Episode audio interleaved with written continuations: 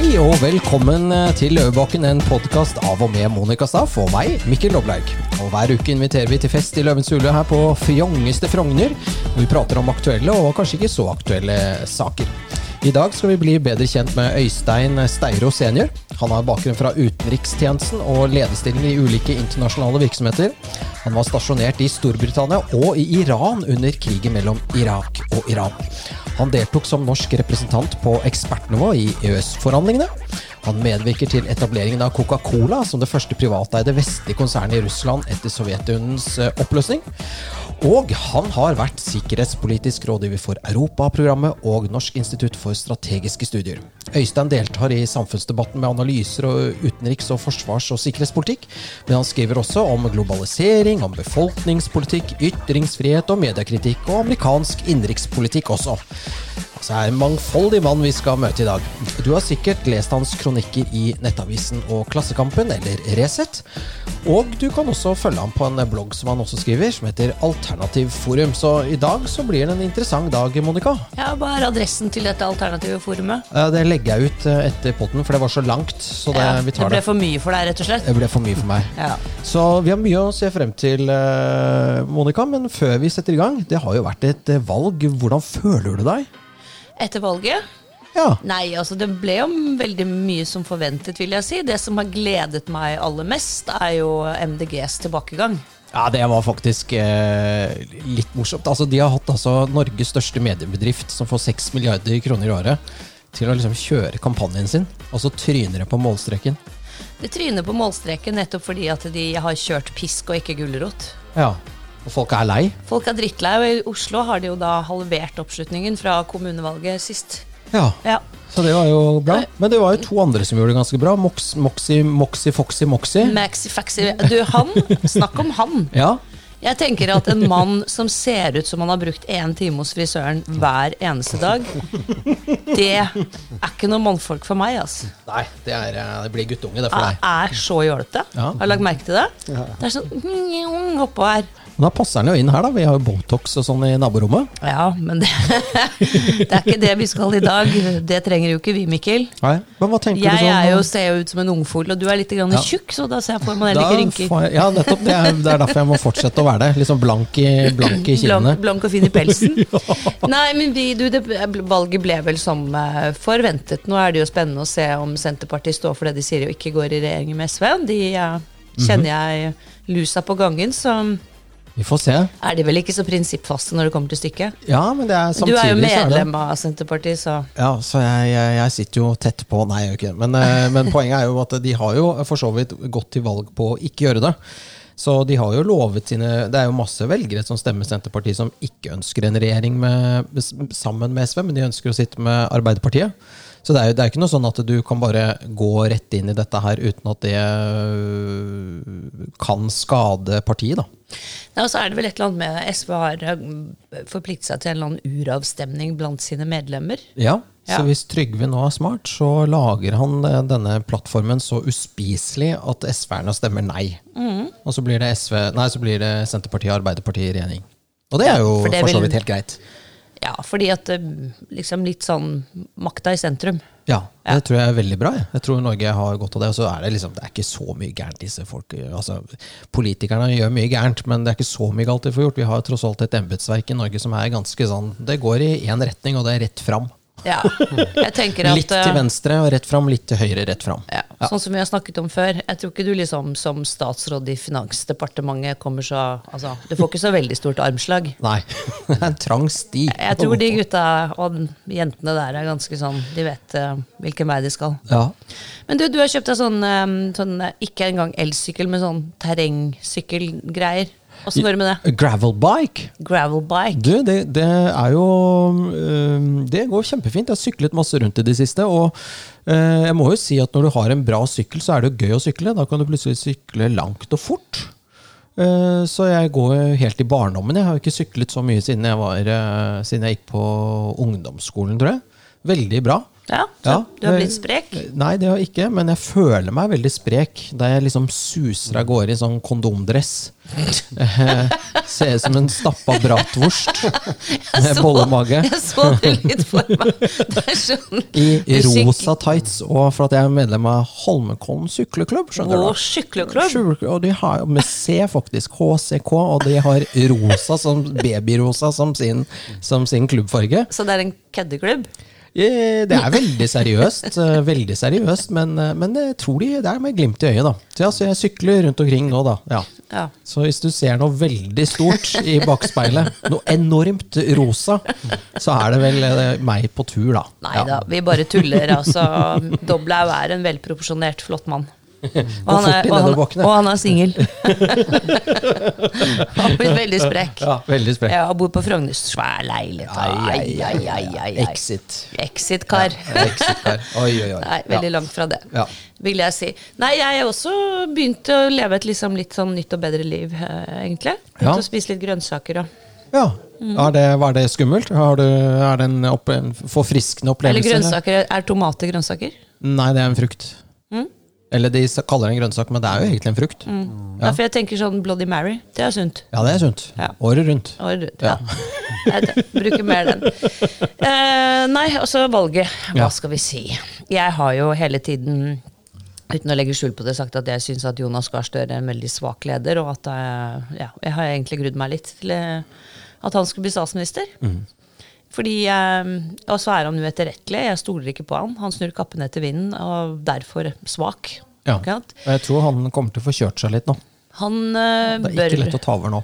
Nei, det er det jo ikke. Så, sånn sett så får han jo Men han virker jo som han er ganske elektrisk og oppstemt av dette her. At han nå endelig skal få lov til å slippe til. Han skal bli leksikal. Han skal bli leksikal.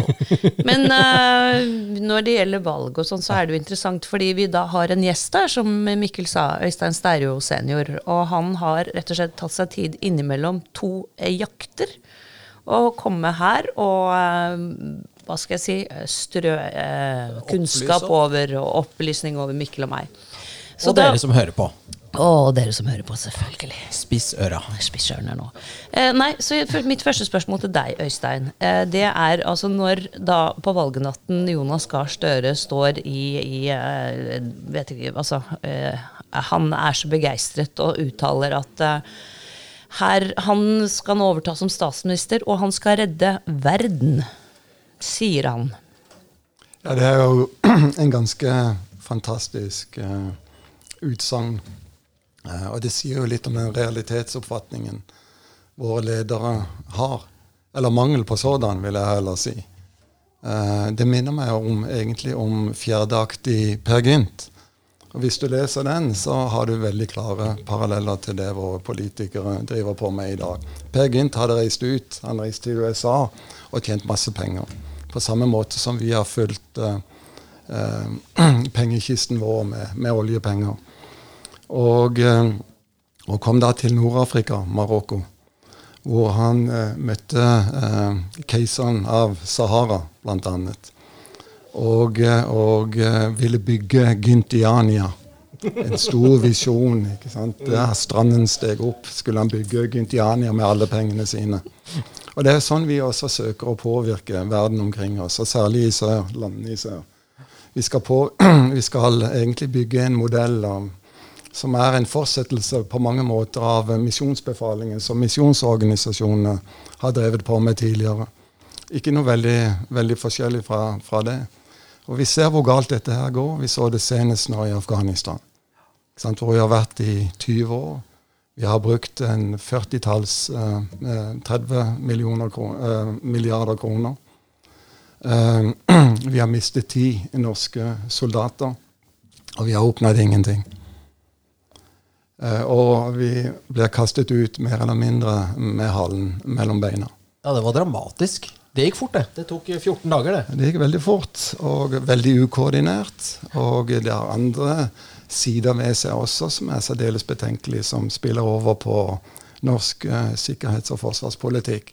Det at vår hovedallierte, som vi har basert hele forsvaret av Norge på, at amerikanerne kommer oss til unnsetning, plutselig da eh, foreta en aksjon sånn som de gjorde i Afghanistan, fullstendig ukoordinert med sine allierte, som de etterlater i stikken. Og ikke bare med sine eh, allierte, sånn som Norge, men også med en rekke amerikanske statsborgere som fortsatt er i Afghanistan. Ja, ikke kommer seg ut? Og Det kan jo da fortelle oss kanskje om hvordan situasjonen ville være hvis vi kom i en slik situasjon hvor vi trengte amerikanerne.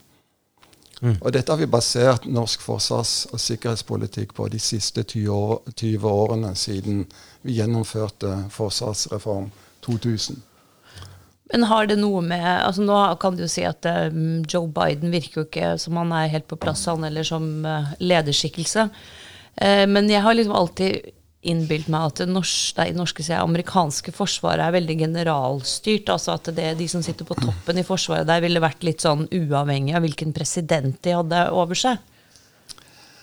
Jeg tror ikke det. Vi har sett amerikansk eh, isolasjonisme. Den har gått i bølger. Det har vi sett i hele etterkrigstiden. Og eh, vi fikk signaler lenge før Trump kom med signaler om at 'America first'. Um, og vi ser Biden gjennomføre den samme politikken. Her er det en slags form for uh, byråkratisk kontinuitet uh, som svinger med uh, situasjonen i USA, med, og først og fremst med amerikansk innenrikspolitikk. slik at når Biden kommer ut på den måten han gjør, så er ikke det egentlig uventet eller eksepsjonelt. Det som er det eksepsjonelle i denne sammenhengen, når vi snakker om norsk utenrikspolitikk, forsvars- og sikkerhetspolitikk, det er det at vi ikke har sett de lange linjene i amerikansk politikk, og har basert hele vår sikkerhet og vårt forsvar på artikkel 5 i Nato-traktaten, og at amerikanerne kommer oss til unnsetning. For Nato betyr egentlig USA for Norge. USA betaler 72% av kostnadene, de militære kostnadene i Nato. Slik at eh, hvis vi skulle trenge bistand på et tidspunkt, så ville det være fra USA den måtte komme. Ellers ligger landet blottet for, eh, for uh, eventuelt press eller overgrep. Som en general sa for noen år siden, vi har ikke lenger en landmakt som er stor nok til å forsvare en bydel i Oslo. Mm.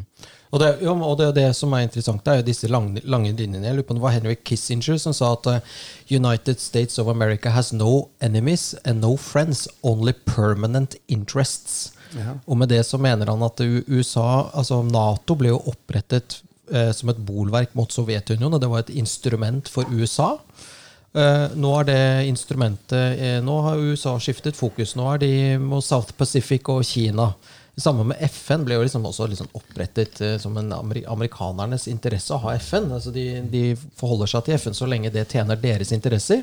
Når de ikke gjør det, så invaderer de allikevel. Um, og det jeg lurer litt på nå, eller det du egentlig sier nå, er er Nato Ja, denne ubåtdealen, der, eh, der, eh, der uh, USA, Australia og England, som nå går sammen i en ny allianse, og, og lar Frankrike i stikken. Eh, kanskje vi begynner å se slutten på samholdet i Nato. Kanskje det er noe annet som erstatter det. Det er jo ganske sånn. Og så sitter vi da med et militær som ikke er rigget for dette, da. Vel, Her er vi tilbake igjen litt til utgangspunktet. Du kan si Alle stormaktenes uh, drives av realpolitiske interesser. Det er realpolitikken som teller for dem når det kommer til stykket. Det gjelder USA, det gjelder Kina, Frankrike, Storbritannia, Tyskland. Tyskland. Ja. Mens Norge kan ha en statsleder som vil redde verden. Ikke sant? Fordi at han har penger til det. Ikke sant? Han bruker oljepenger og egentlig skattepengene våre til sine egne prosjekter, som ikke er realpolitisk fundert. Og Det er akkurat det samme som gjelder i utenriks-, og forsvars- og sikkerhetspolitikken. Den er ikke realpolitisk fundert, basert på det faktiske forholdet at Norge ligger i et av verdens mest utsatte geopolitiske veikryss. Ja. Eh, som en følge av vår nærhet til Kola-basen i nord, hvor russerne har sin annen slags ubåtflåte. Ja, Bastionforsvaret. Ja, og bastionforsvaret, som store deler av Norge og norsk territorium, Norskehavet, er en del av. Og Det er derfor høyst urovekkende når vi går nå inn i disse tider som er mer usikre enn noensinne, at vi har da en påtroppende statsminister som vil redde verden fremfor å ta vare på Norge og redde Norge og ivareta norske interesser. For i, i mitt vokabular, om du vil, så kan du si det viktigste for våre politikere, hvis det er en Maslowsk behovspyramide, så er det først å ivareta nasjonens, landets statssikkerhet og befolkningens eh, samfunnssikkerhet. Deretter kan vi begynne å snakke om velferdsstaten og materielle behov. Tak bygger det seg oppover, oppover, oppover. Ja, ja, ja, tak over hodet og mat på bordet og alle de tingene der. Og lenger nede i pyramiden så kommer kultur og underholdning og alle de tingene vi ellers setter pris på. Men først og fremst må vi ha vår sikkerhet ivaretatt. Og det vi har sett over de siste 20-30 årene, siden tidlig på 90-tallet, er at statssikkerheten er forvitret med nedbyggingen av Forsvaret. Vi har ikke lenger noen landmakt. Vi har ikke lenger noen nasjonal forsvarsterskel. Vi er helt og holdent avhengig av våre allierte, eller det vil si USA. Et USA som er svekket, og som er opptatt i stadig større grad andre steder. Med kineserne i Sør-Kina-havet, med iranerne i Gulfen, med uh, russerne i Svartehavet og Baltikum, og muligens i, uh, i Barentshavet. Mm. Og det er bekymringsverdig, for amerikanerne, selv om de ville, hadde ikke kapasitet til å være alle steder samtidig. Nei, de må prioritere. Mm. Og det, det, det, er nettopp det de gjør. Og når vi da har politiske ledere som ikke ivaretar det som er det primære for befolkningen og for landet, vår territorielle sikkerhet, da har vi et problem. Mm. Er det, er det, liksom, Jeg bare tenker på da koronaen kom. altså jeg tenker på samfunnsberedskap. Vi hadde jo ikke masker, vi hadde jo ingenting. altså det er liksom Alt Nei, er basert eller mal, Ja, altså det er på en mm. måte bare Det virker som vi har, hatt, vi har hatt det så bra i 40-50-60 år nå at vi har fått en hel klasse med politikere som ikke forstår eh, De forstår ikke rollen sin. Alt, altså de tror at rollen sin er å komme på Stortinget og dele ut penger. Ja, fordi det er jo aldri snakk om noe annet enn fordelingspolitikk. Det er, ja, det er, aldri, ja, det er aldri, noe sånn å kutte noe eller å prioritere. Altså Prioritere betyr jo rett og slett å velge vekk noe annet. De skal jo prioritere alt i dag. Mm, ja. Nei, vi, vi så dette veldig tydelig når koronakrisen kom. Vi hadde verken masker eller, eh, eller, annet utstyr. Norsk medisinaldepot, som ivaretok dette under den kalde krigen, ble avviklet eh, etter krav fra eh, EU. At det var i strid med eh, EU-regelverket. Statens kornforretning, som bygde opp kornlageret slik at vi hadde korn for jeg tror det var to år fremover mm. tidligere ble også uh, avkrevd avviklet som en følge av konkurranseregelverket i EU. Ehm, så du kan si dette er resultater da, av en globaliseringspolitikk og en overføring av suverenitet og, og selvråderett til overnasjonale organer, konføderasjon, sånn som det EU er. Og som da helt klart og åpenbart har underminert både samfunnssikkerhet så til de grader. Det som er enda verre, det er jo det at etter at uh, koronakrisen inntraff, så har vi gjort veldig lite på å forbedre situasjonen. Ja. Se bare nå, ikke sant? Vi har akkurat det samme uh, antall intensivplasser som vi hadde da koronakrisen begynte, til tross for at vi har uh, erfart at dette er en betydelig pandemi med et betydelig skadepotensial.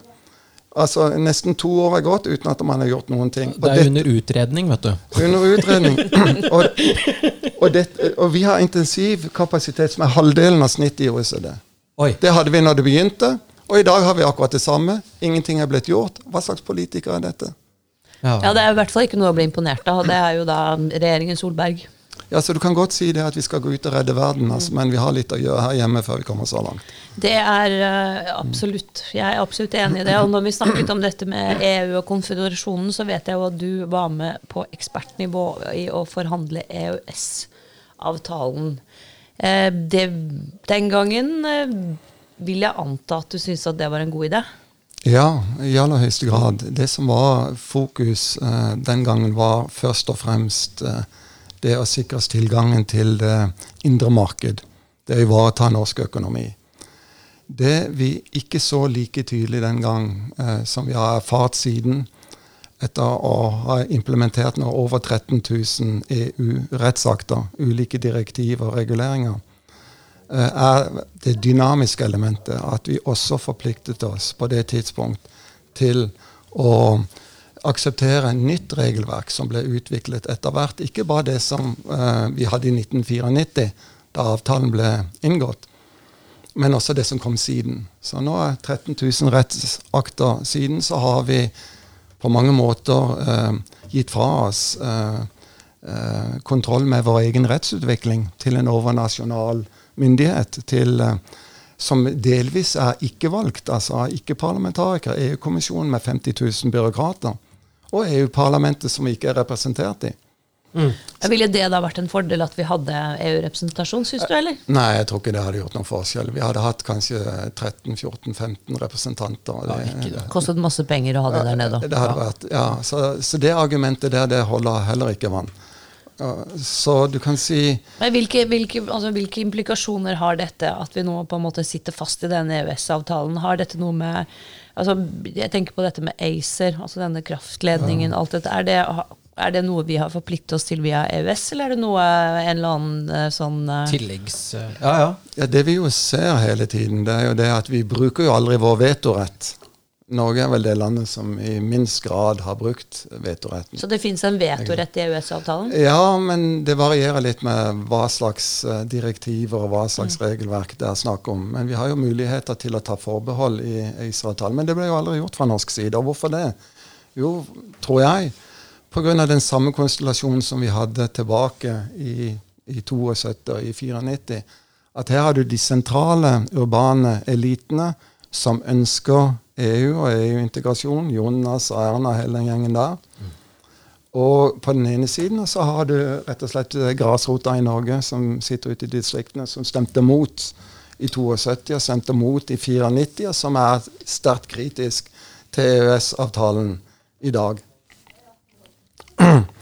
Slik at, eh, at uh, våre politikere, våre folkevalgte, reflekterer ikke de holdningene som som gjenspeiler seg i, i elektoratet. Ja, Du snakket om også før, Monica. Har du ja. ikke det? det var hva var det for noe? At eh, stortingspolitikerne eh, At det er mot, alle stortingspolitikerne ja, er for? Du så det jo litt nå i dette valget også, at liksom hovedstadspressen, da, hvis du kan kalle det det, ja. eh, tar fullstendig feil av hva som er viktig for, for eh, da grasrota. ikke sant? Det var, det var ikke klimaspøkelse og alt dette de holdt på med. Så de, det blir litt sånn som i sant, amerikanske tendenser. De sitter i en elite og tror at de Det var jo akkurat det samme de gjorde. Vi så meningsmålingene i USA i 2016, og vi så de nå. Alle forutså i 2016 at, eh, at Hillary Clinton ville vinne med et overveldende flertall. Vi så det nå, i, eh, nå sist i USA, at um, det ville bli um, at Biden ville vinne, helt klart, men det ble helt close race. Mm. Uh, her bruker man både media, mediekampanjer, og man bruker meningsmålinger til å påvirke opinionen. Og det kan se ut som om norske medier, som jo er uh, i overveiende grad venstredominert, gjorde akkurat det samme nå ved valget her, ved å inflatere MDG og klimaspørsmålene på en helt annen måte enn det som ble reflektert under valget i mm. befolkningen. Mm. Og det er for å påvirke i en bestemt retning, og det er særdeles uheldig i et demokratiperspektiv. Det er i hvert fall særdeles uheldig i et demokratiperspektiv, all den tid at da 90% av pressen er rød.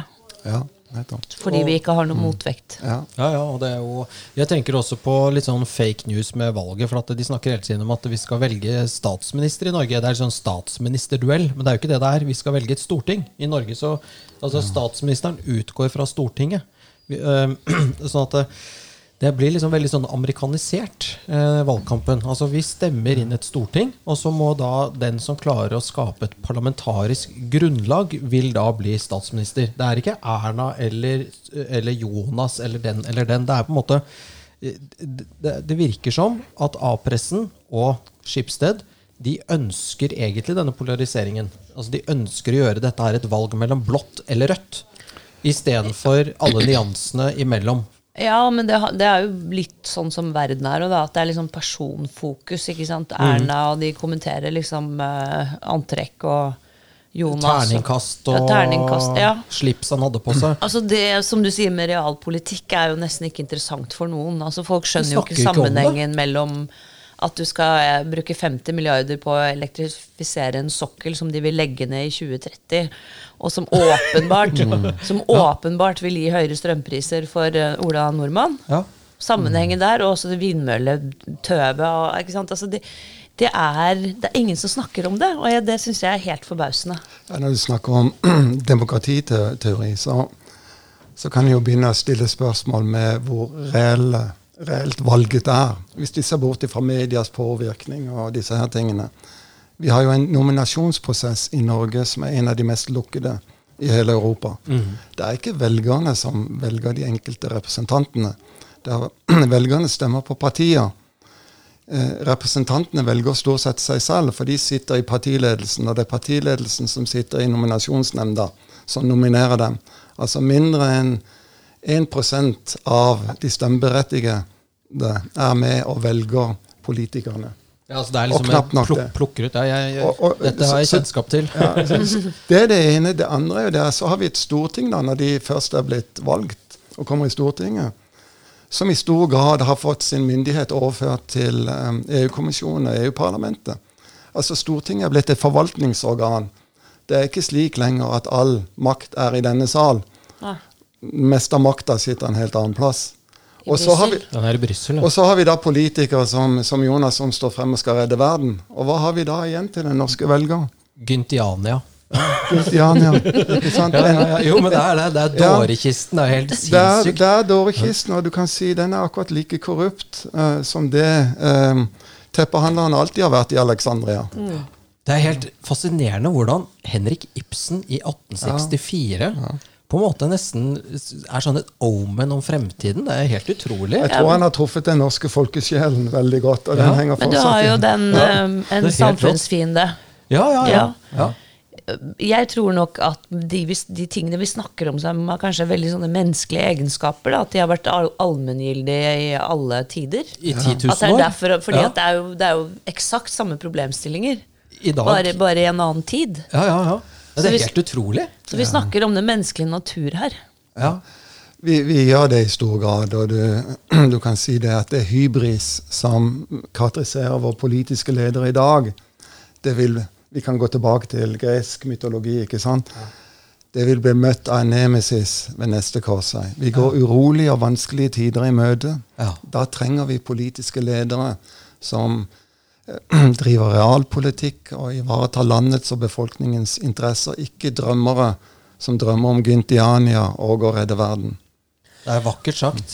Ja, det er veldig vakkert sagt, men det er jo også veldig skremmende, fordi det vil jo bety at vi, må, vi skal inn i litt røffere farvann. Om hvor lenge, tror vi. Ja, vi er på go god vei inn, tenker jeg. Altså Bare se nå, Monica, med strømpriser, tregangeren, dieselpriser og bensinpriser, energiprisen går opp, som har ført til at de har begynt å stenge gjødselfabrikker, som igjen har ført til at de ikke får CO2. Som igjen fører til problemer med matlaging, som igjen fører til høyere eh, gjødselpriser, som igjen fører til at bønn Altså dette her er en det, og, det verste er at det er ikke tilfeldig, Monica. Det er noen som har gjort det. Ja, og, det, og høyere strømpriser fører vel også til at det blir dyrere å lade Teslaen. Ja, og, og, og folk må fryse. Og så får du det du kaller energifattigdom. Ja, fordi hvis du ser nedover i på kontinentet, i Danmark f.eks., som er et energi altså De, må- de har jo, må, må importere mye Ja, det er gitt opp. Nei, men der slår jo folk av lyset døgnet rundt. Altså, vi er jo, hvis du går rundt på Frogner, da, og så er det jo lys i alle vinduer til alle døgnets tider. De har lært seg å slå av lyset fordi strømmen har vært dyr. Vi kommer dit, vi òg. Ja, vi gjør det. Men, men eh, norske husholdninger er jo eh, f- f- fyrt opp på strøm. Altså, I andre land så varmer de opp husene sine med gass og alt mulig annet. Mens i Norge så er vi, er vi, strøm, vi er en strømnasjon. Så vi er jo ikke forberedt på Altså Om du skrur av og på lyset, det er ikke det som tar strømregningen din. Det er den, der, den ovnen på 1500 watt som står og koker. ikke sant? Ja. Eh, varmekablene på badet. ja, varmekabelen på badet, varmekabelen i garasjen. Jeg vet ikke hvor folk har varmekabler. men Overalt, egentlig. Overalt, ja. ja, Det, det som er eh, særdeles foruroligende, og det rapporteres ikke i, eh, i norske medier, og knapt nok i europeiske medier Men jeg, jeg reiser mye og tilbringer ganske mye tid i USA. Der er det nå en voldsom inflasjon på gang. Det er vanskelig å få tak i nye biler. For det, folk ja, jobber rett og slett ikke under koronakrisen. Og mye av kapasiteten er, er eksportert til, eh, til, Kina. Det er vanskelig å få tak i, i brukte biler. Prisen er gått opp. Det er vanskelig å få tak i kylling. Det er kø på enkelte matvarer i flere supermarkeder. Du tuller da? Nei, jeg tuller ikke. Det høres ut som Sovjet, jo. Jeg tuller ikke, og, og prisene galopperer som bare juling. Så vi sant? får inflasjon, da? Ja, det er stor fare for at det er en, en, en verdensomspennende inflasjon på gang, som, som, er godt i gang nå i USA. Vi ser det jo også bare gå i butikken her, gå på, på i butikken her hjemme, så ser de også det godt i gang. Jeg tenkte på byggevarer òg. Ja. Du som, som pusser opp ting, Monica. Ting har jo blitt ganske mye dyrere. Blitt veldig veldig mye dyrere ja. å bygge. Og veldig fort. Mm. mm. veldig fort. Og det er jo inflasjon. Ja, eller mangel på varer, da. Ja, Så mm. presser prisene opp? Ja, eller, ja. så behøver ikke nødvendigvis å bety det. Og du, du, kan si de 13 000 milliardene vi har i oljefondet, som mange trøster seg med, det er jo ikke nok til en, da, en gang å dekke pensjonsforpliktelsene i offentlig forvaltning. Og, og, det kan du være sikker på at de offentlig ansatte de kommer til å få sin lønn uansett. De får sin lønn. det har vi jo sett under koronakrisen. Ja, ikke sant? Og det har vi jo Det har jo vært nevnt før, men altså under regjeringen Solberg så har jo det offentliges andel av BNP gått opp fra 54% til 59% hvilket jo er ganske skremmende i seg selv. Og når du tenker på alle de som er ansatt i det offentlige, altså både direkte og indirekte, så skjønner du at elektoratet vil jo ha eh, den verdensorden fortsatt. 32% av den norske arbeidsstyrken, altså en tredjedel, er ansatt i offentlig sektor. Det er dobbelt så mange som snittet i OECD. Vi har en eh, Antallet på sykelønn er også dobbelt så mange. Antallet unge på, på sosial stønad er også dobbelt så høyt som i noen av våre naboland. Finland, Sverige, Danmark osv. Det er klart, Dette har vi hatt råd til som en følge av at vi har hatt en, en økonomi. Ja, vi er lottomillionærer. Vi, liksom. vi, vi Det bare renner over med penger, liksom. Men ja. det er klart, dette her går ikke i det uendelige. Dette er ikke uh, bærekraftig over tid. Og, og, særlig når vi ser uh, de uh, utviklingene når det gjelder befolkningsutviklingen, så er det klart at velferdsstaten vil komme under stadig økende press. som en følge av innvandringen.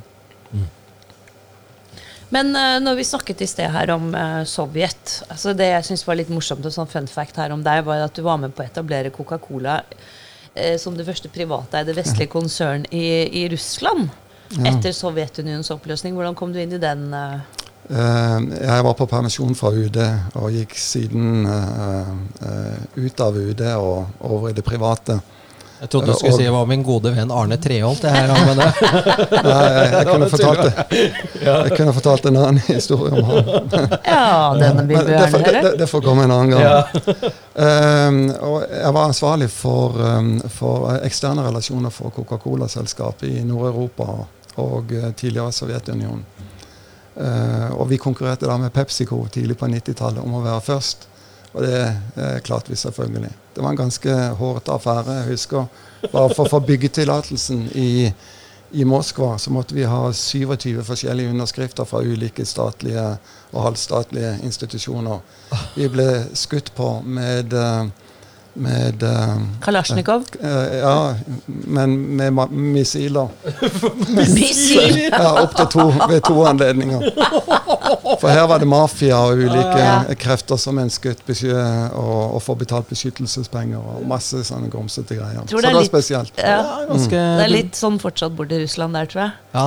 Jeg tror ikke det er så lett å etablere business der. Ja, eller nå er det sånn at hvis du etablerer business Du må bare ikke bli for stor, for da kommer de og tar deg. Ja. Liksom, eh, vi kan drive skobutikk på hjørnet, men ikke en skokjede. Og da kommer Boris og bare I like. Og så blir du, like så, blir, så blir du plutselig stevnet i, av en dommer i en uh, nordsibirsk rettssal. Uh, altså, for det er jo helt vilt, det der opplegget hvordan de holder på i Russland. Og så bare tar de det De bare tar det fra deg. Eller bare får du en SMS 'This your daughter?' ja, så er vi ferdig. Ja. Oi, oi, oi. oi. Det er spesielt å bli skutt på med RPG. Ja. Ja, men, men. Altså, du er ganske sånn, du er ikke skvetten. Mm, vel, jeg vet ikke det, men jeg, jeg har vært ute en vinternatt før. Ja. Jeg, ja, blant annet i Iran under, under landkrigen mellom Iran og Irak. Ja, fortell om det. Ja. Ja, eh, hva skal jeg fortelle om det? Da var du, hvor Si var det du, som det var er. i, i, hvor var du, du var utstasjonert i Iran? Ja, jeg var Iran. to år i Ja, i Iran. Teheran, på helt, ja. I Teheran helt på slutten av, um, av 80-tallet. Ja. Og det var under landkrigen mellom Iran og Irak. Det var, um, vi hadde kommet inn i affæren. Vi hadde en bilateral krise med iranerne, hvor de truet å løpe ned ambassaden med en menneskemobb på 200 000 mennesker. Oi. Eh, Som en følge av at iranske opposisjonelle i Norge hadde stormet den iranske ambassaden på Drammensveien. Og hvor norsk politi ikke klarte å beskytte diplomatene deres immunitet. Og da Så- skulle de ta igjen? Så truet de iranerne med å retaliere. Å, fader. Iranske myndigheter særlig. Kan man jo forstå, egentlig, da. Ja, ja. Bare at jeg tror å Eller- bli løpt med i Teheran er antakeligvis litt mer langt verre enn å bli løpt med i Drammensveien. Ja. 13 dager før så hadde de kastet diplomatene på den kuwaitiske ambassaden ut av vinduet i fjerde etasje. Å, fy fader. Det- det gikk vel ikke ja. så Og det var en krise. Den varte i, i seks måneder. og Den var kanskje den mest hårete. Når det gjelder selve krigen, så hadde vi eh, gjentatt episoder med skudd ved missiler som, som var en del av bykrigen mellom Teheran og Bagdad. Som de, de Bodde du da der nede alene, eller hadde du familien med deg? Jeg hadde to evakueringer hvor vi evakuerte uh, ambassadeansatte som, og familie som jeg var ansvarlig for. Ja, Og da Men var du jeg- hadde ikke egen familie der? Jo, jeg hadde, min kone var med meg. Ja. Mm. Oi. Det er sånn action, altså. Ikke børnene? Eh, vi, vi, den første ble unnfanget i Der nede, ja. Det ble kalt eh, the, the Persian Viking The Persian av våre Viking. iranske venner. Veldig gode venner i Iran. Et fantastisk folkeslag. Ja, det har jeg skjønt. at eh, Vi har jo, jo Vi hadde jo Dana her. Ja, De er jo ikke arabere, de er persere. De Det er er, persere. veldig viktig. og Hvis du kaller dem det, så blir de veldig sure. Hvis du kaller dem arabere. Det- De er persere. Ja, ar De er stolte. Ariere kaller de seg faktisk. Ja, de er stolte. Arians. Ja. Så gøy. Arians, ja. Nettopp.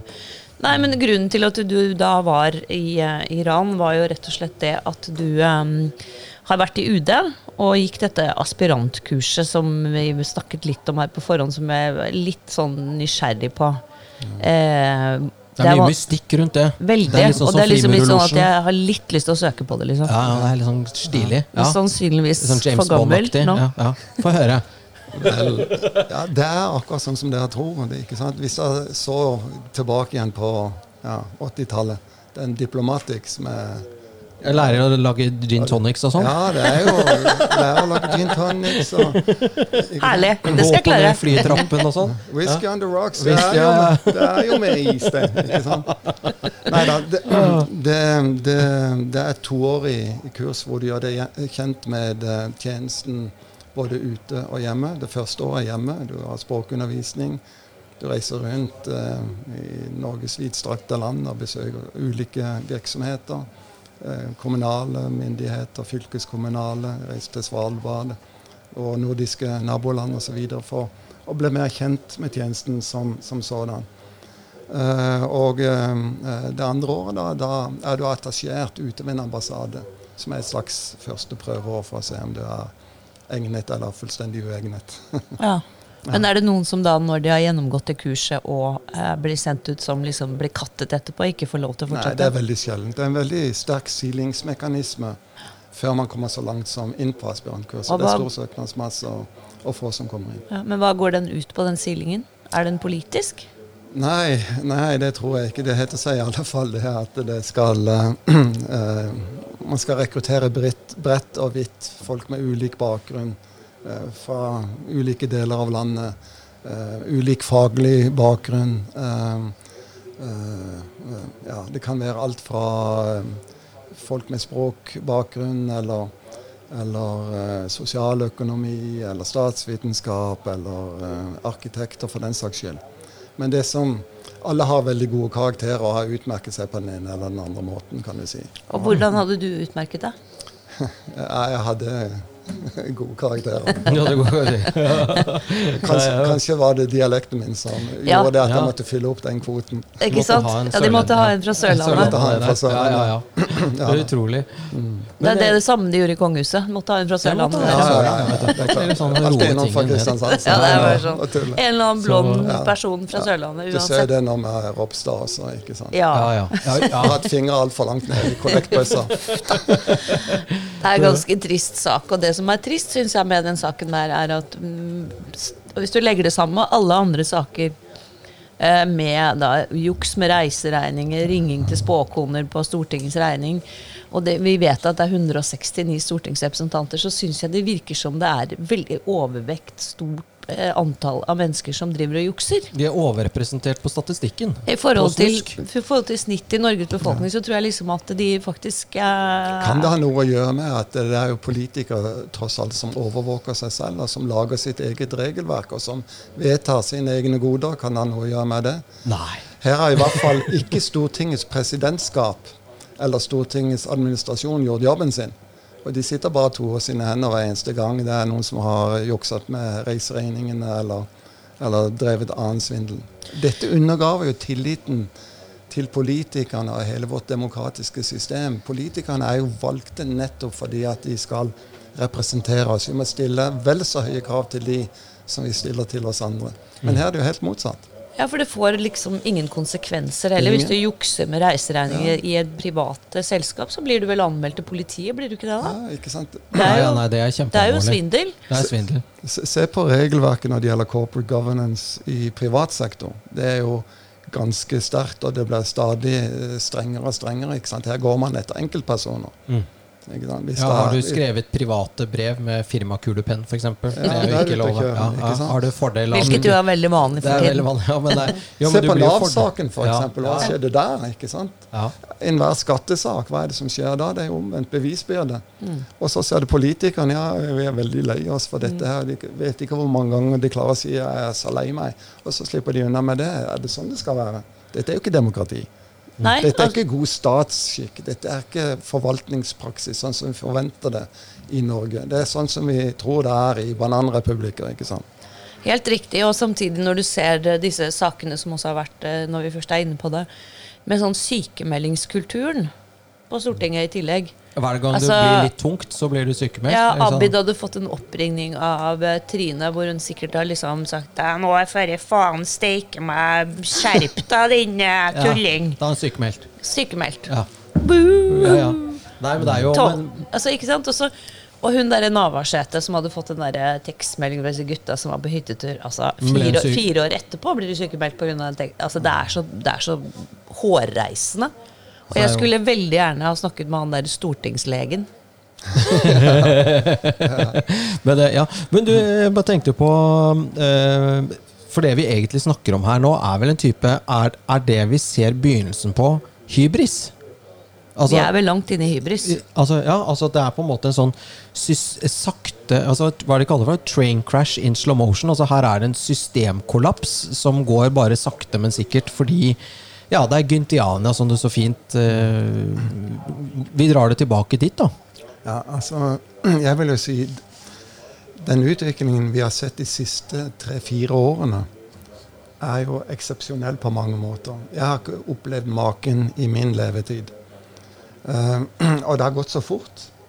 Ikke sant? Eh, Hvordan vi ser nå um, uh, stigmatiseringen, selvsensuren, sensuren.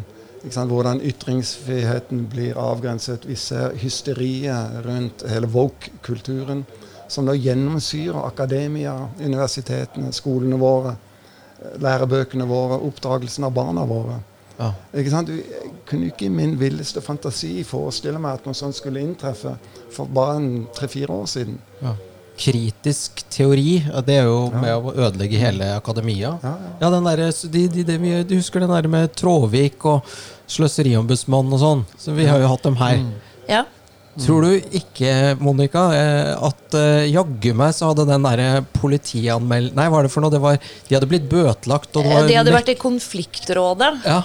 og de Ja. hadde da forfalsket altså en eller annen uttalelse fra konfliktrådet for å ta eh, Are Som Søberg og bevis. Ja, som bevis. Og så altså- viser det seg at det, det er bare tull. Så nå er jo han fyren blitt anmeldt, er det ikke det? Jo, jo. Det skulle jo bare mangle. Men da ser du hvordan, hva, hvilke midler de er villige til å ty til Ja. når de blir tatt med buksene nede. Og så går de all the way, da. Ja. Og det er jo fordi de aldri har blitt eh, konfrontert med virkeligheten. De lever i Gyntiania, ikke sant? så de, de slipper unna med det. Ja, og, og når du ser f.eks. hva som skjedde i USA under presidentvalget, Og hvordan narrativet eh, helt ukritisk og blindt eh, kjøpes uh, hook, line and sinker i, i, Norge, i den norske opinionen. Og hvor du har stigmatiseringen knyttet til om du har uh, en kritisk kommentar til Biden, f.eks. Så, så, så er du virkelig ute å kjøre som trumpianer. ikke sant? Når vi vet at media har kjørt en steinhard kampanje i USA med ensretting, med mediereklame Reklame som ble brukt uh, for, for demokratene, var to til tre ganger så, så stor som, som det uh, Trump-siden brukte. Når vi vet hvordan logaritmene ble brukt i, av big tech også til å styre informasjon uh, mot elektoratet. Og så er dette skremmende når det gjelder demokratiets fortsatte utvikling. Vi ser hvordan disse tingene kommer til Norge to-tre år etterpå. Og vi så det mm, tilbøyeligheter til det samme nå i mediedekningen uh, her i Norge. Det syns jeg er skremmende. Vi er, vi er langt inne i, i, i hybris, og, og, og, jeg er redd at det er et nemesis som vil møte oss på den andre siden en eller annen plass i nær fremtid.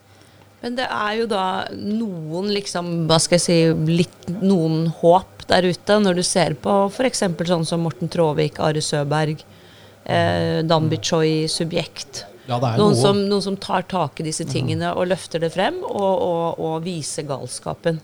Mm. Fordi vi hadde jo da også disse studentene fra KIO her, altså Kunsthøgskolen i Oslo, Mm. Eh, tre stykker modige sjeler som hadde nektet å knele for det er Black Life Matters, når de ble, alle ble tatt ut i skolegården og mm. fikk beskjed om det.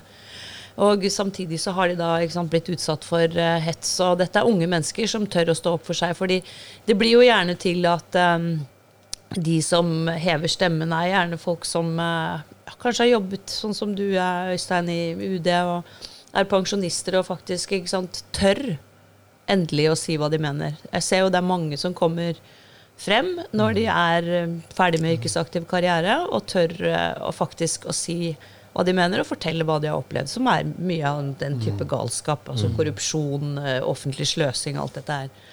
Så det er jo det er jo, altså, det er jo et håp, men jeg tror også at vi må bli litt fattige før vi klarer å komme oss uh, tilbake til uh, en realpolitisk hverdag. Det må antageligvis bli verre før det kan bli bedre igjen. Ja. Men tilbake til det med stigmatiseringen. Den er omfattende. Og det er jo slik at du, det er ikke slik at du lenger kan gi uttrykk for din mening og ta for gitt at du beholder dine venner. Det er faktisk slik at du blir sanksjonert. Det har, jo, ja. det har jo vi opplevd. Absolutt. Og, og, hvis du ser eh, sosiale medier, sånn som denne kanalen her, denne podkasten, eller Resett, eller Dokument, eller du nevnte Subjekt, mm. eller andre Dette representerer jo en, en, revitalisering av demokratiet, hvor det er mulig for folk, andre enn politikerne, andre enn kommentariatet i etablerte medier, å kunne gi uttrykk for sin mening og sine synspunkter. Som media, selvfølgelig, og den politiske klasse er livredde for. For det er ubehagelig, selvsagt, å bli stilt til veggs på denne måten. Ja, det er presteskapet ikke sant, som begynner å bli ut, utfordret nå. Ja, nettopp. Og du ser hva som skjer med HRS og, og støtten til HRS nå. Mm. ikke sant? Det blir interessant å se. Og den kommer til å bli borte. Ja. Nå er, uh, og du ser pressestøtten, hvordan den brukes også aktivt. Ja. Vi uh, begynner å miste kontrollen over hva folk blir fortalt, ja, sa jo Gro Harlem Brundtland. Og det hadde hun helt rett i. ja. Da var hun rett og slett litt for ærlig. Hun var rett og slett tatt seg en drink ja, men litt for ærlig til å være henne, da, kan du si. Men, men, det er jo nettopp det som du sier, at uh, de, de, etablerte mediene og uh, og det politisk, største delen av det politiske landskapet er jo også livredd for denne revitaliseringen av demokratiet. Men det vi skal vite der ute, at uh, mange i f.eks. i embetsverket, i UD, de tenker de samme tankene som vi gjør, men de tør ikke gi uttrykk for dem. Nei. Akkurat det samme i Forsvaret også. Det er en betydelig eh, mistillit og sterk frustrasjon mot tingenes tilstand. Men de tør ikke gi uttrykk for det. Hvorfor? Fordi at de risikerer ikke bare miste jobbene sine, det kan være et opprykk, eller det kan være mer subtile former for sanksjoner som ikke er så lett å, å, å, å Sette fingeren på. Du blir ikke for, forfremmet og forbigått. Ja, og, og, i, i, i, den type organisasjoner som eh, strengt hierarkiske organisasjoner som politiet eller Forsvaret eller utenrikstjenesten, er dette veldig aksentuert og veldig levende. Hvis ikke du har partiboka i orden, hvis ikke du er i anførselstegn tilpasningsdyktig, så vil du bli sanksjonert på den ene eller den andre måten. Og det er synd. Det er jo ikke sånn det skal være i et uh, demokrati uh, og et land hvor vi uh, er stolte av at vi har en god forvaltningsskikk. Nei, og Én ting er jo at man ikke tør å si hva man mener, men også at man må følge regelverk man kanskje syns er helt hårreisende. Ja, Jeg hadde jo, eller Vi hadde et eh, innbrudd hjemme hos oss, og da har jeg vært litt i kontakt med politiet, som jeg må bare si har gjort en fantastisk jobb. Og vært veldig på ballen. Og De klarte til og med å ta vedkommende som da hadde gjort dette innbruddet. Det var en eh, norsk statsborger fra Eritrea. Eh, Ja. eh, med rusproblemer. ja. Og det at vedkommende har rusproblemer, gjør at det ikke kan ha han i varetekt. Nei. Ikke da-? Så, ja, ja, så, så, så altså, en ting er at du, liksom, du, du har tatt en innbruddstyv, men altså, han har i tillegg rusproblemer. Det vil jo si, som jeg sa til han politimannen, ustabil, altså. Mm. Og da kan de ikke får de ikke lov til å ha det i varetekt, fordi de er jo redd for ikke sant, overdoser eller altså, alt mulig greier som det blir deres ansvar. Da, så blir det hyl og skrik i media etterpå, særlig når det er kanskje da en fra Eritrea og ikke norsk statsborger. Så da måtte de bare slippe han ut igjen. Ja, Rettsstaten er jo i ferd med å forvitre. Og det her er du inne på det vi snakket om i stad når det gjelder samfunnssikkerhet.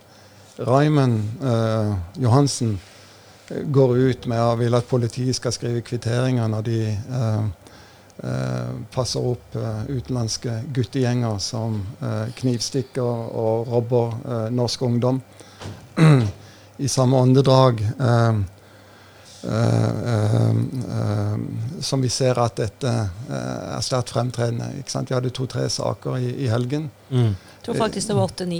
Og samtidig som vi har, har denne saken borte i Bergen og i Nav, hvor det er en, en eh, norsk statsborger av fremmed bakgrunn da, Jeg husker, jeg husker ikke helt eh, betegnelsen. Ikke sant? Det er ingen som krever noe rosetog da.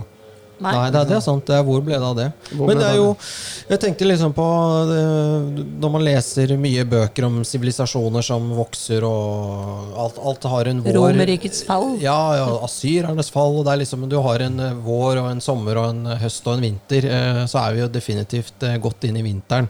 Eh, Men jeg bare tenker på sånn eh, Jeg holdt på å si apokalypsens fire ryttere, eller ja, Hva skal man se etter i en statsmann eller statskvinne nå i de tider vi kommer inn i? Eh? Du har eh, Nato-alliansen vakler litt. Du, ja, du, du har jo skrevet litt om dette her. Er det, hva er det, hvis du ser inn i glasskulen din, Øystein, hva, hva ser du for deg da, liksom? Vel, eh, bare spåkona kjenner fremtiden. Soppgryte, for å si det sånn. Ja, ja, ja. ja. Eh, Det er et særdeles uh, vanskelig tema, men vi ser mange labile trekk. Sikkerhetssituasjonen i våre nærområder er forverret. Relasjonene til vår uh, stormaktsnabo i øst er dårligere enn på lang tid. vi ser labile trekk i, i Sør-Kina-havet. Um, og mange frykter at det kan blåse opp der. Og det er klart det at slike ting de kan forplante seg til også til vår del av verden. Vi ser labile trekk den, i den politiske arena. Sant? I Europa betydelig eh, grad av splittelse i europeisk politikk, og ikke minst i amerikansk politikk. Og innen økonomien ser vi eh, klare inflasjonstendenser og fare for kollaps i det eh, internasjonale eh, økonomiske handelssystemet. Eh, Kina er en faktor i dette. Det mange ikke er klar over, det er at eh, til tross for avstanden er Kina sterkt til stede også i Norge. Kina er en av de største eiendomsbesitterne i Bergen og i, i Fredrikstad bl.a. Det kinesiske kommunistiske parti bygger veier og broer og infrastruktur i Nord-Norge. Eh, de har operert i, i Karahavet eh, i fire-fem år. De er betydelig nærmere. De regner seg selv som en, en polnasjon med interesser i nordområdene. Det er veldig mange labile elementer som gir oss grunn til å, å kunne kreve politikere som ikke vil frelse verden, men som først og fremst vil forholde seg til realitetene slik de er. Altså ivareta norske interesser. Hvordan skal vi få slike politikere? Eh, Er det skolesystemet det er noe galt med, eller er det rett og slett mennesketypen som tiltrekkes politikken det er noe galt med, eller hva, hva gjør vi? Ja, Det er jo da det store spørsmålet. Hva skal vi gjøre med dette? Jeg tror først og fremst vi må tilbake til valgordningen. Og det at folket kan velge sine politikere selv. At ikke det blir den politiske ledelsen i partiene som velger seg selv. Vi så jo det veldig tydeliggjort uh, i Oslo Fremskrittsparti, som ble sparket som en følge av at Siv insisterte på at hun skulle velge seg selv og stå øverst på lista. Det hører jo ikke hjemme i noe demokrati. Det er jo slik at uh, velgerne burde kunne være de som har uh, sitt besyv med i lag når det gjelder hvem som skal representere oss. Så jeg tror rett og slett vi må få en bedre nominasjonsordning. Ja. Hun Kamzy, hun, hun, hun, i Oslo bystyre, eller som nå valgt inn på Stortinget, Ja. jeg tror hun var den nest mest strøk, ble strøket strøket nest mest. da. Eh, Det vil si at folk ikke vil ha henne. Og det mente hun selvfølgelig var rasisme. Ja, ja, Eh, klart. Ja, det kan ikke, det kan ikke ha noe med at folk rett og slett bare ikke liker henne. Kanskje de rett og slett ikke syns at hun er noe flink. Kanskje hun burde Hvorfor kan ikke politikere bare ta det inn over seg noen ganger at det, Hei, eh, kanskje jeg er feil. Eh, folk liker meg ikke. Jeg har ikke tillit til meg. Slutt. Nei, det er jo noe, noe rart der når du ser sånn som Lan Marie Berg, som da går fra bystyret i mistillit, og så er det liksom, seiler du inn på Ja, Stortinget som skal representere altså det, det er jo ganske syke tilstander. Men tror du det er mulig å gjøre om på dette nominasjonssystemet? Tror du de som sitter og skal bestemme det, at det kan gjøres som ønsker det? For det er jo akkurat de samme folka, er det ikke det? Nei, det er jo akkurat det som er så fortvilende. ikke Ja. sant? Og det kommer sjelden eller aldri opp eh, som en del av debatten. Jeg tror også det at vi kunne i betydelig større grad ha eh, folkeavstemninger. Både lokalt og sentralt. Men det ønsker heller ikke politikerne, for da avgir de makt. Slik at her er det en grunnleggende eh, splid mellom den politiske elite, som blir stadig mer og mer homogen, og grasrota av velgere som eh, har stadig mindre og mindre å kjempe for. Vi har jo tross alt fått en velferdsstat. Vi har det jo tross alt så bra alle sammen. Vi har fredagstak og underholdning. Det er ingen som sulter i Norge. Ikke sant? Nei, vi har det bra. Vi har det så bra. Og det, så du kan si, Jeg har en grunnleggende tro på demokrati. Det er det vi må jobbe for å berge. Uh, og bl.a. Uh, gjennom sosiale medier sånn som dette, at stemmene kan komme frem. Slik at eh, vi må prøve å påvirke agendaen. Det er det jeg prøver med så, så godt jeg kan. Å gi mitt tilbake til det landet som tross alt er antageligvis et av de beste i verden å, å leve i. Ved også å bidra så godt jeg kan i sammenhenger sånn som dette, eller på Alternativ Forum, eller ved de artiklene som jeg har skrevet rundt forbi. Ja, det er jo da trist å se. For det er som du sier, det er, må jo være et av de beste landene i verden å leve i. At man ikke klarer å ta vare på det på en, på Tenk, en tenk hvordan vi kunne ha hatt det. Ikke sant? Ja, men Da er vi tilbake til Ibsen. at du, Evig eies kun det tapte. Eller evig eies kunde teipte, Det teipte. sånn som dette. ja, ikke sant? Ja. Nei, men dette er jo, Tiden går fort. Vi er jo snart på en time. Jeg Ja. tenker vi kunne snakket eh, er det, en- Du har jo sikkert masse på, på kulepunktene dine. Du, Nei da, jeg har masse selvfølgelig, men eh, vi skal ikke trette ut lytterne våre, Mikkel. Nei. Jeg vet han derre Wolfgang V, er det det heter? Vi ja, eller ja. V? Vi. Han har sånn to og en halv times podkaster. Det klarer ikke jeg, altså. Nei. Altså attention span da til, Ja. til en sånn tenåring er vel ti minutter. eh, og Er det ikke noe sånt da? Jo, jo, så vi keep it short. Ja, ja, ja. Så jeg tenker at det er, um, det er lurt. Men uh, vi uh, har kommet igjennom ganske mange interessante temaer, syns jeg. Ja. Og det har vært veldig veldig hyggelig og interessant å ha Øystein Sterro senior hos oss i dag. Jeg håper at dere har fått masse ut av det, dere som lytter, for her kommer det mange, kom det mange gullkorn. ja og eh, da er det hva, er det hva er det bloggen din heter? Alternativ Alternativt forum. .worldpress.com. Yes. Det var det du ikke klarte å si i sted. Ja, vi legger ut link der. Ja, det er bra. Ja. Utrolig kult. da, men da En berikende halvt time, faktisk. Ja. Det er det jeg sier takk for meg. Ja, Veldig bra. Tilbake på jakt. Ja, Hva er det du skal skyte? ri på. Yes! Ja, rype, Er det fortsatt rypejakt? Ja, ja, men Den fortsetter Den- lenge, den, Mikkel. Er du helt ute? Du skal på elgjakt, du. Jeg skal bare på elgjakt, jeg. Ja, skjønner du? Så jeg, Det er gutta, liksom. holder på bare med det. Men uh, hvor er det du jakter og sånn, da? ja, litt rundt forbi. Jeg uh, kom fra Sverige nå,